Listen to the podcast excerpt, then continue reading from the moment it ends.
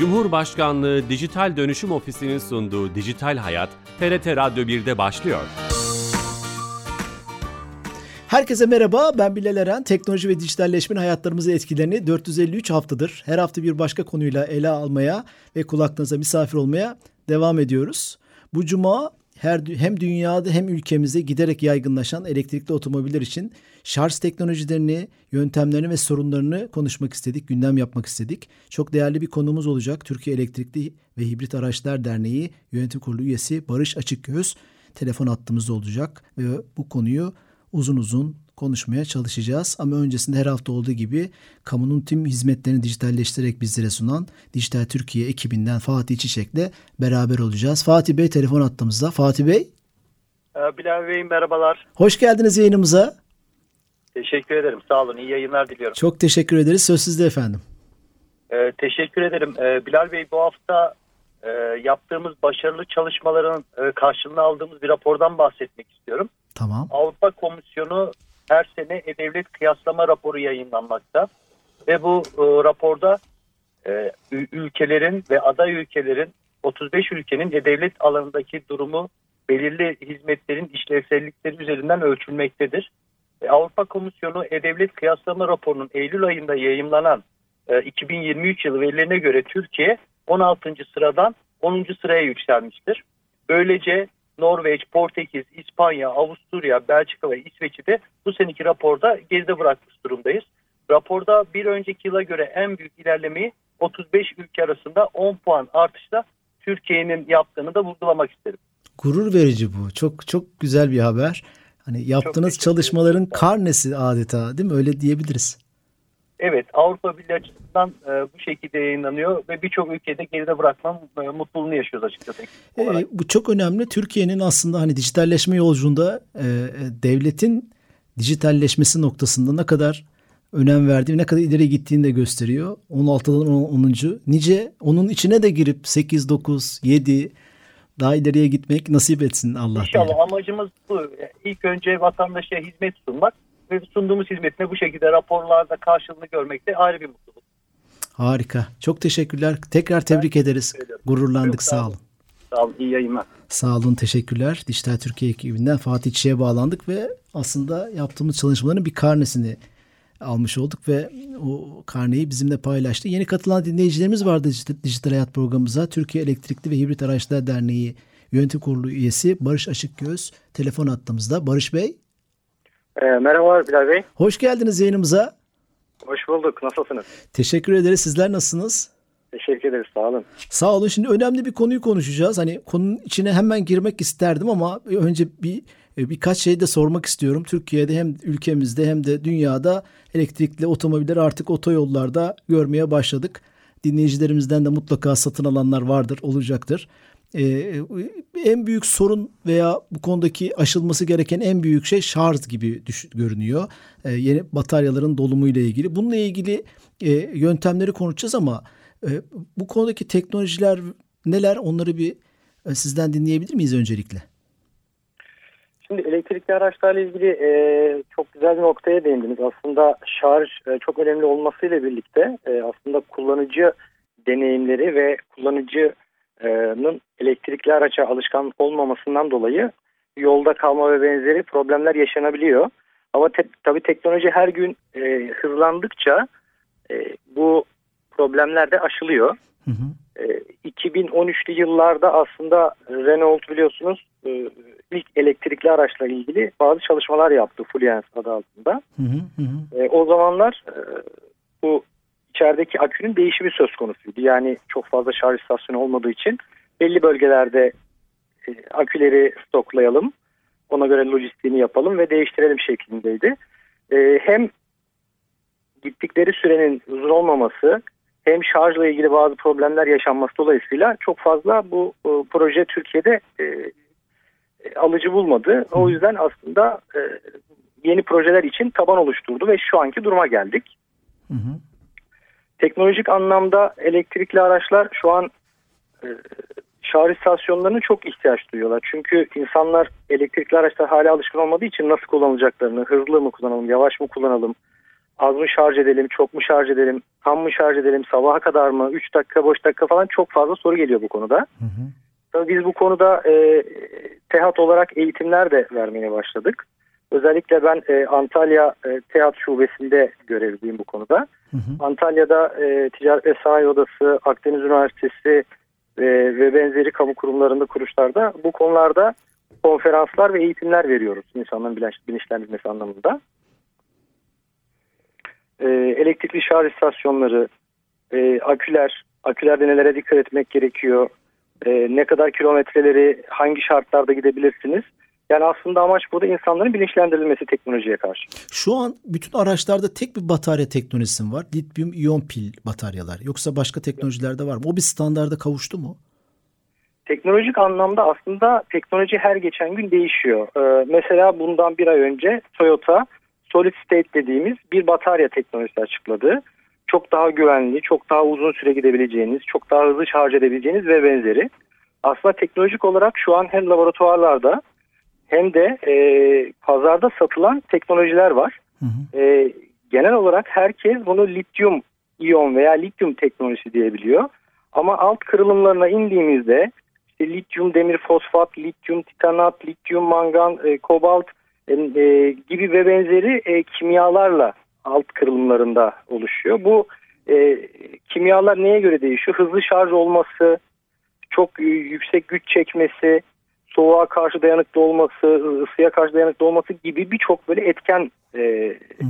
bu kimyalarda seç, seçmede önemli. E, her araç üreticisi de kendini bir adım öne çıkarabilmek için en e, iyi, en hafif, e, en uzun ömürlü kimyayı seçmeye çalışıyor. Aynı zamanda en hızlı şarj edebileceğiniz kimyayı. Bu sebeple aslında e, araçların içindeki e, araçta e, akülerin de kimyası markadan markaya değişiklik hmm. gösterebiliyor. Hmm. Burada bu konuda bir ARGE çalışması yapılıyor ama üst başlık teknolojisi lityum teknolojisi doğru değil mi? Evet evet yani genel anlamda lityum. E, tabii e, 2010'lu yıllarda ben de aslında biraz e, bu teknolojinin içinde de dahil olduğumda e, hidrojenle ilgili bazı çalışmalar yapmaya başlamıştık 2010'lu yıllarda. O zaman yine e, e, Enerji Bakanlığı'na bağlı olarak Hidrojen Teknolojiler Araştırma Merkezi vardı. Ben biraz orada birkaç yıl e, projelerle ilgili çalışma yaptım. Aslında tabii lityum e, ve hibrit araçlar, lityum, full elektrikli araçlar bence çok geçiş dönemi. E, bir sonraki etaptaki şu an e, hem Avrupa'nın hem dünyanın da e, gözünü hidrojene diktiği gibi e, hidrojen tarafında aslında gelecek çok daha parlak gibi görüyorum. Hı hı. Çünkü orada e, şarj süreleri, e, menziller ve benzeri çok daha farklı e, noktalara ulaştıracak bizi. Tabii orada da bazı dezavantajlar ve benzeri var. Onlar aşıldıkça işte lityum e, o tarafa doğru evrilecek diye e, düşünüyorum. Tamam, şu an kullandığımız teknoloji lityum ve ama ARGE çalışmaları evet. hidrojen devam başta ediyor. olmak üzere devam ediyor. Şu an peki evet. geldiğimiz noktada marka bağımsız soruyorum. Mesela en yüksek menzil, en hızlı şarj hep ben takip etmeye çalışıyorum. Belli bir aralıktalar. Yani şunu vaat etmiyor hiçbir araç. 2000 kilometre gidersin 3 dakikada şarj olur gibi. Hani hep bir aralıkta o da anlaşılır bir şey. Oradaki en uzun menziller teknolojinin getirdiği, bilimin getirdiği imkanlarla neler? Biraz da onunla ilgili bilgi alabilir miyiz? Şu an aslında bizi kısıtlayan, insanoğlunun en çok kısıtlayan nokta veya insanların elektrikli araçla ilgili işte bazen bize de soruyorlar. Yani işte elektrikli araç almalı mıyım? Ee, elektrikli araç alırsam işte mesela başka bir şehre gitmek istersem nasıl olacak? Hı hı. E, bu çok, sorulara çok Ben de soracağım. Ben de soracağım onu. evet. Yani tabii e, orada menziller 600-650 kilometrelerde aslında takılmış durumda. Hatta siz hızlı kullanayım derseniz bu menzili 200-300 kilometreye kadar indiriyorsunuz. Hmm. Yani şu an e, işte dediğim gibi marka bağımsız herkesin farklı bir e, yaklaşımı var, farklı bir e, standardı var. Fakat e, aslında normal şu an kullandığınız benzinli veya dizel araçları çok agresif şekilde kullanırsanız işte orada e, çok 600-700 e, kilometre yapabiliyorsanız artık 400 kilometrede Doğru. E, aslında benzin bitiyor. Benzinden Aslında farkı yok benzer. aslında o agresiflik evet, kullanım. Yani ma- mantık çok benzer. Sonuçta bir enerji var. Bu enerji ister benzin ister dizel ister farklı bir yakıt olarak depolayın. O enerjiyi ne kadar verimli olarak kullanabildiğiniz, ne kadar hızlı harcayabildiğiniz ve bir verimlilik aralığı var. O aralıkta kullanıp kullanmadığınız çok önemli. E, tabii bunu kullandığınızda işte e, ilk başlangıçta dediğim gibi aslında e, insanların bu konuda alışkanlıklarıyla ilgili yani dizel aracı kullandığı gibi e, elektrikli aracı da kullanmaya kalkarsa e, çok yol yapamayacak ve memnuniyetsizlik doğacak. Ama işte bizim verdiğimiz eğitimlerle, dernekle beraber verdiğimiz eğitimlerle e, insanlar şunu görüyorlar. Ha, evet ben bu menzili çok daha uzun kullanabilirmişim eğer bunları dikkat edersem. E, aslında bir farkındalık oluşturmak çok önemli. Tamam kullanımla e, kullanıma göre bir aralıkta o, o yukarı veya aşağı gidebiliyor artı eksi ama sonuçta bir barem var. Onun üstüne Tabii. çıkamıyor. Anladığım evet. kadarıyla lityum teknolojisi de onun üstüne çıkamayacak mı? Bu kritik soru bu. Yani işte yeni mesela dediğim gibi e, Toyota e, bazı teknolojiler solid state diye batarya teknolojisi açıkladı. Orada 900 kilometrelerden ve benzeri söz ediliyor. E, ama pazara daha henüz e, ulaşmadı. Bilmiyoruz. daha da yüksek e, hmm. daha da yüksek rakamlara belki ulaşılacak. Ama tabii ki belli bir noktası var. Çünkü bir hacminiz var ve o hacme e, devamlı bir enerji depolamaya çalışıyorsunuz. E, orada o yüzden diyorum yani 1000 kilometrenin üzerine 2000 kilometrenin üzerine gitmek istiyorsanız biraz daha hidrojen teknolojileri yani farklı teknolojiler ortaya çıktığında sanki o daha mümkün olacak. Evet sizin bu konuda çalıştığınız için tabii pozitif ayrımcılık da yapıyorsunuz. Bizi hidrojene yönlendireceksiniz öyle anlıyorum. E, tabii çok önemli. Aslında bu giriş giriş bölümünü şu yüzden hem batarya teknolojilerini anlayalım, sınırları, bunun gidebileceği noktaları daha iyi anlamak için soruyorum. Şimdi geleceğim, gelelim bizim en büyük aslında belki de elektrikli araçlarda e, günlük ve işte günlük kullanımda yani kullanımdaki en büyük sıkıntı programın başında söylediğiniz şarj olayı. İşte konutlarda yapılabilen e, e, şarjlar o sizi şehir içinde belki belli bir mesafe götürebiliyor ama özellikle uzun yolculuklarda istasyonlara muhtacız. Yani bunun başka bir yolu yok şu an. Peki evet. ge- geldiğimiz noktada günümüzde siz dünyayı da ülkemizi de iyi biliyorsunuz bu alanın uzmanı olarak. Hangi yöntemler var? E, tek bir yöntem mi standartlaşıyor? Gidelim işte e, Şimdi şarj istasyonlarında evet şarj istasyonlarında e, aslında iki ana şarj e, çeşidi var diyelim. Biri AC dediğimiz alternatif akımla yani normal 220 volt bildiğimiz hı hı. E, evlerde kullandığımız veya sanayide kullanılan e, 380 volt e, AC ile alternatif akımla şarj bir de DC şarj. Şimdi orada tabii bizim evlerde kullandığımız e, kablolar, oradaki hat ve benzeri bizi sınırlandırıyor. E, diyor ki işte e, sen 7 kW'ın üzerinde ya da 5 kW'ın üzerinde e, daha fazla e, güç e, gönderemezsin ya da çekemezsin diyor. Yani elektrikli aracı e, o kW'ların üzerine dolduramazsın diyor. E, bunu deyince biz diyoruz ki sanayi elektriği kullanırsak yani 380 voltlar kullanırsak trifaze dediğimiz hı hı. o zaman nereye çıkıyor? 22 kW'lara kadar çıkıyor. Hı hı.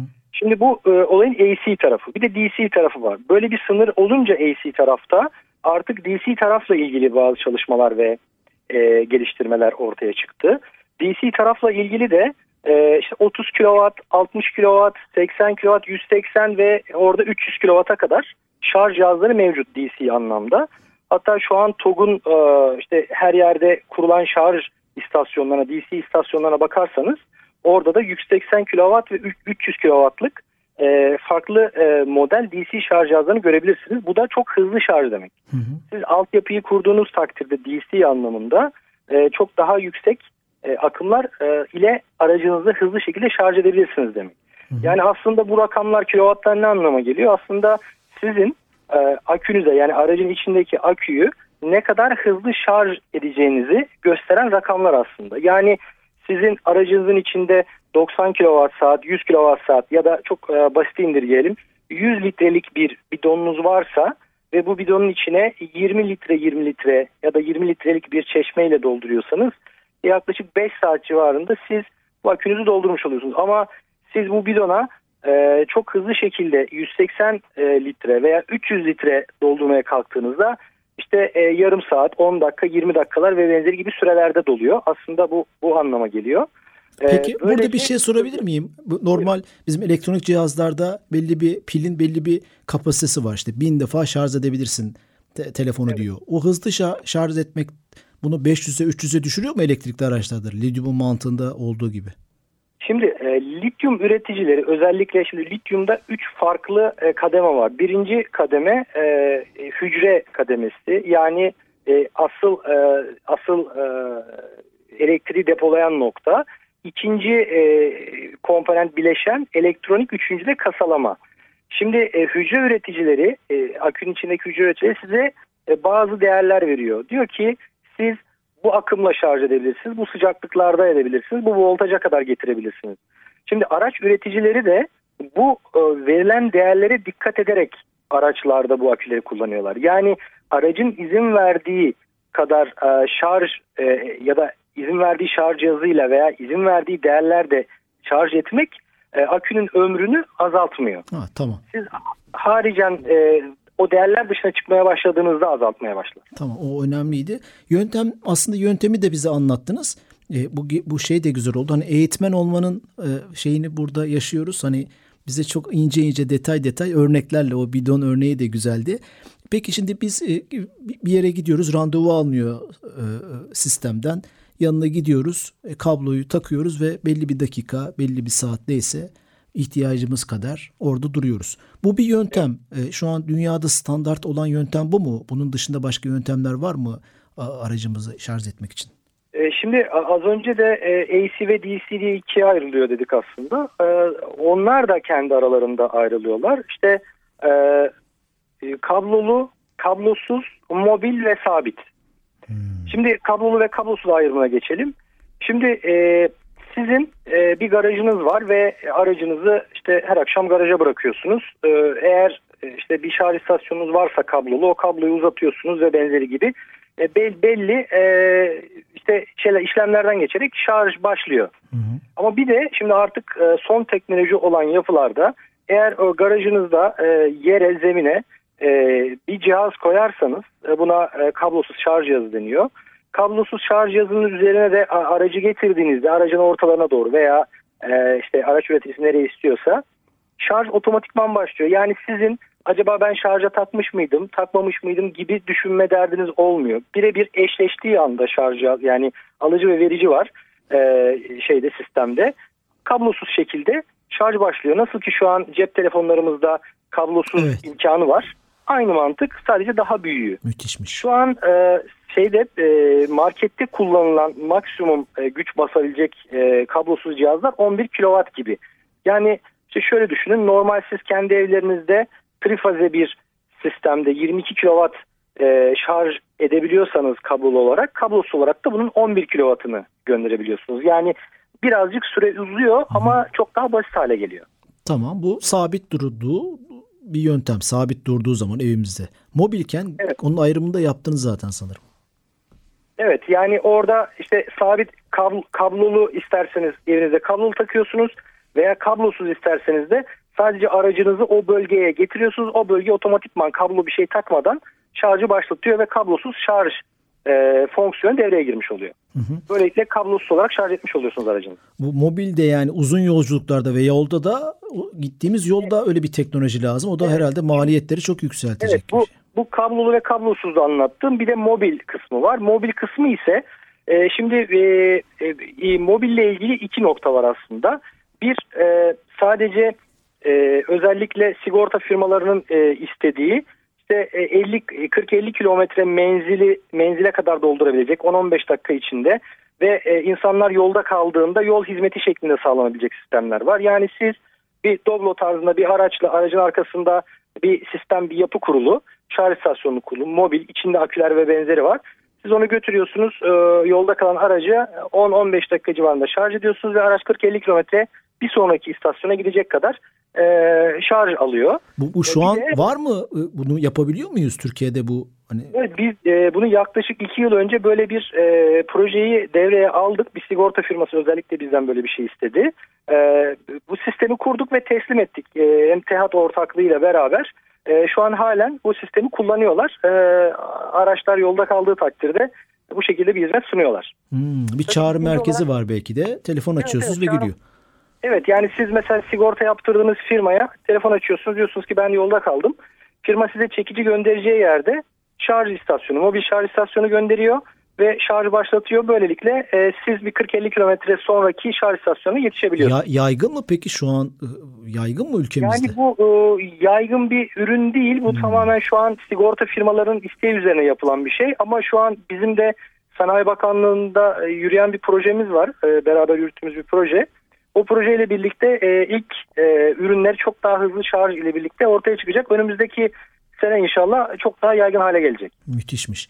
Bir de bazen e, haberlerde e, yurt dışında İsveç veya İsviçre'de gördüm. Herhalde o da bir demo bir alanda belli bir kilometre içinde otoyola biraz önce söylediğiniz kablosuz teknolojiyi e, e evet. devlet yaptı herhalde veya yerel yönetimler. Şimdi onunla ilgili de aslında çok basit sistem. Yani e, düşünün siz e, İstanbul'dan Ankara'ya gidiyorsunuz e, ve e, şarj istasyonu mu geçtiniz veya şarj istasyonu doluydu araçlarla şarj edemediniz ama 20-30 kilometrelik bir menziliniz kaldı. E, belli noktalara konteyner bazında depolama üniteleri konarak e, bu depolama ünitelerinden alınan e, akım ile elektrik ile e, araçlarınız şarj edilebilir konumda olacak. Bu da güneş enerji işte e, sistemleri işte o konteynerin üzerinde yanında veya arkasındaki herhangi bir tarlada güneş enerji sistemleri koyarak e, devamlı e, şarj edip %100 e, yenilenebilir enerjiden karşılanan bir aslında e, şarj sistemiyle aracınızı şarj, şarj etmiş olacak. Bu da ama yaygın bir model değil değil mi? Dünyada da değil sanırım. Türkiye... Evet, evet dünyada da değil. Hmm. Şu an zaten hani elektrikli araçlar son 2-3 yıldır çok hızlı şekilde artmaya başladı. Elektrikli araçlara e, duyulan e, ilgi. E, bunlar adım adım gelecek. Tabii ihtiyaç doğrultusunda bazı şeyler geliyor. E, çünkü o, o potansiyeli gören yatırımcılar o konuda yatırım yapıyor ve e, sistem gelişiyor. Bir model daha bahsetmişlerdi. Son bölümde de bunu sormak isterim. E, e, e biz bir istasyona gideceğiz. E, orada dolmuş piller, bataryalar hazır duracak. E, biz kendi bataryamızı bir depozito karşılığında çıkaracağız ve onu takacağız. Yani 2-3 dakikalık bir mesele. Tabii o şarj istasyonunda dolu batarya varsa. Bu böyle bir model olabilir mi? Tak çıkar ne denebilir bu modelin aslında ismi? Aslında dünyada bunun örnekleri var. Ee, aslında bizim 2000 e, aslında Renault'un daha doğrusu Renault Fluence'in ilk modeli. E, bu yurt dışında bir e, projeydi. E, o proje için yapılmış ve değiştirilebilir akü ile ilgili bir çalışma vardı. Orada lojistikle ilgili bazı problemler çıktı. Yani e, işte siz o aküleri belli noktalara dağıttığınızı düşünün. Evet. Ve e, yoğunluk oldu ve orada sizin e, aracınıza konacak akü kalmadı. Yani e, o durumda işte e, akü şarjda bitmedi gibi yani böyle farklı özellikle lojistik anlamında yaşanan bazı problemler. Bir ikincisi de e, işte e, orada araç kullanıcısı kendi aküsünü ya da aracını 10 gün önce almış aküsünü bırakıp başka bir akü alacak. Acaba o akü problemli mi değil mi? Bazı hmm, böyle kuşkular ve kaygılar e, insani bazı kaygılar oluşuyor. O zaman da e, tabii bir sonraki istasyonla mı değiştirsem, akü yeni miydi, eski miydi, kullanılmış mıydı gibi böyle e, bazı e, sıkıntılı durumlar oluşabiliyor. O çok o, ilerlemedi ama tabii ilerlemeyecek diye bir e, durum yok. E, çünkü her gün dünya gelişiyor ve değişiyor. Farklı e, opsiyonlarla, farklı e, çalışmalarla bu da tabii gündeme alınabilir. Batarya da arabanın en pahalı parçalarından bir tanesi değil mi? Hem teknoloji evet. hem e, arabaya sağladığı katkı anlamında. E, evet. Dolayısıyla tak çıkar, değiştir modeli bu yüzden mi tutmaz veya biraz önce söylediğiniz problemler ortaya yani çıkar? Yani Türkiye'de insanlar şimdi bir araç hmm. e, bir araç alıyorsunuz. Aracın her şeyinin sizin olmasını istersiniz. Genelde mantık ve yaklaşım budur psikoloji anlamında. Ama araç e, aracın aküsü sizin değil, diğer kısım sizin. E, yani orada e, işte insanların kafasındaki o soru işaretini hmm. çok net e, çözümlerle gidermek lazım bence. E, ondan sonrası bir şekilde gelebilir. Peki bunu çözdük diyelim. Herkes bu kültüre alıştı. Şu anki elektrikli araçların e, altyapısı, teknolojisi, bataryalar standart mı? Bunu yapabilir miyiz? Bütün araçlar yoksa Çünkü farklı mı? Araçlar anlamında zaten e, bunu yapamazsınız. Çünkü hmm. mesela şu an e, sizde e, bir Tesla var diyelim. Siz bir yere gittiniz ama Volvo'nun bir bataryası var orada. Siz o bataryayı kullanamazsınız. Her markanın kendine özeldir bataryası. Büyüklükleri, koyduğu yer hep farklı değil mi? Öyle hepsinin bir standardı yok. Evet. Belki evet. baştan bu iş organize edilirken markalarda böyle bir standartlaşma, birliktelik olabilirdi ama telefonlar gibi yürümüş bu iş yani. Nasıl akıllı evet. telefonların hepsinin bataryaları farklı. Evet. Öyle yürümüş. Hem farklı gözüküyor. hem şey bile yani hani şu an bile e, telefonların şarj noktaları bile biliyorsunuz farklı. Yani onun kabloları küçük, evet doğru. Gibi yani. uçları. Bütün telefonlarda bile standarda oturtulamadı. E, araçlarda biraz tabii zor. O zaman şunu anlıyorum. E, bu konuda bir standart olmayacak. Yakın zamanda belki uzun vadede de başka yöntemler gelişecek. Evet, öyle görünüyor. Veya her yere istasyonlar kurulacak. Çünkü Türkiye'de özellikle evet bir alana doğru girdik ama uzun yolculuklar siz daha iyi biliyorsunuz yakinen çok zor bu anlamda elektrikli araçlar için. Bilmiyorum katılır mısınız yoksa ben acımasız bir yorum mu yapıyorum?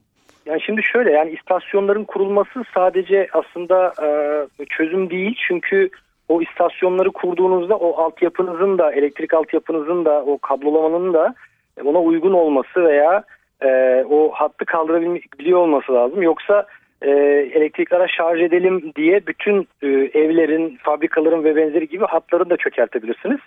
E, ama tabii ki sonuçta teknoloji e, gelişmeye başladıktan sonra e, kendine yol açacaktır, bulacaktır. E, çok hızlı gelişeceğini düşünüyorum. Harika. Son iki dakikamız var. Ben e, sizin derneğinizin çalışmalarını da biraz merak ediyorum. Türkiye Elektrikli ve Hibrit Araçlar Derneği. Anladım ki bu konuda farkındalık eğitimleri veriyorsunuz. Bakanlıkla, bazı kurumlarla ortak projeler yapıyorsunuz. Bu konuda bir çalışmanız var mı?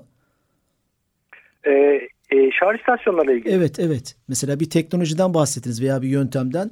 E, mobil e, cihazlardan bahsettiniz. Call center, çağrı merkeziyle evet, arayacağız. Mobil, mobil şarj istasyonları. Evet yani çalışmalarımız o konuda devam ediyor. Onunla ilgili e, bazı aplikasyonlar üzerine çalışıyoruz. Yani e, sadece e, sigorta firmalarının değil de e, birkaç farklı aplikasyon veya bir aplikasyonla yolda kaldığınızda e, işte o e, mobil şarj istasyonunu yanınıza çağırabileceğiniz bir yapı.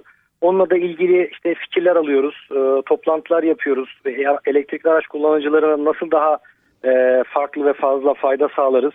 E, onları bu konuda nasıl e, eğitebiliriz? O konularda da e, bazı çalışmalarımız var. Hı hı. E, dediğim gibi yılın belli aylarında hem bu konularda konferans fuarlar düzenliyoruz hem de e, işte insanların elektrikli araçlara e, özendirilmesi, alıştırması. Çünkü çok temiz bir teknoloji, ses yok yani dizelle zaten e, veya işte fosil yakıtlarla karşılaştıramayacak kadar e, güzel bir teknoloji bence. Ki o teknoloji de hızla gelişip insanlar e, çok daha e, temiz, çok daha ulaşılabilir, çok daha e, güvenilir yapılara ulaşacağını düşünüyorum. Bunun için de biz elimizden ne gelirse destek ve yardımcı olmaya çalışıyoruz. Harika. O şarj e, yöntemleri ve teknolojileri, olanakları da geliştikçe sanırım daha da e, yaygın olarak kullanılmaya başlanacak. Çok teşekkür ederiz Barış Bey. Ben teşekkür ederim. E, Türkiye Elektrikli ve Hibrit Araçlar Derneği Yönetim Kurulu üyesi eğitmen Barış Açıkgöz ile çok dikey bir konuyu konuştuk. E, elektrikli araçların şarj teknolojilerini, bataryalarını, yöntemlerini ve günümüzde karşılaşılan sorunları, bunları nasıl aşabileceğimizle ilgili yöntemleri konuşmuş, konuşmuş olduk. Bu programımızın kaydını yarın itibaren YouTube ve podcast kanallarımızda bulabilirsiniz kaçıranlar için tekrar dinlemek isteyenler için. Hafta yeni bir konu ve konukla beraber olacağız. İyi hafta sonları. Hoşçakalın.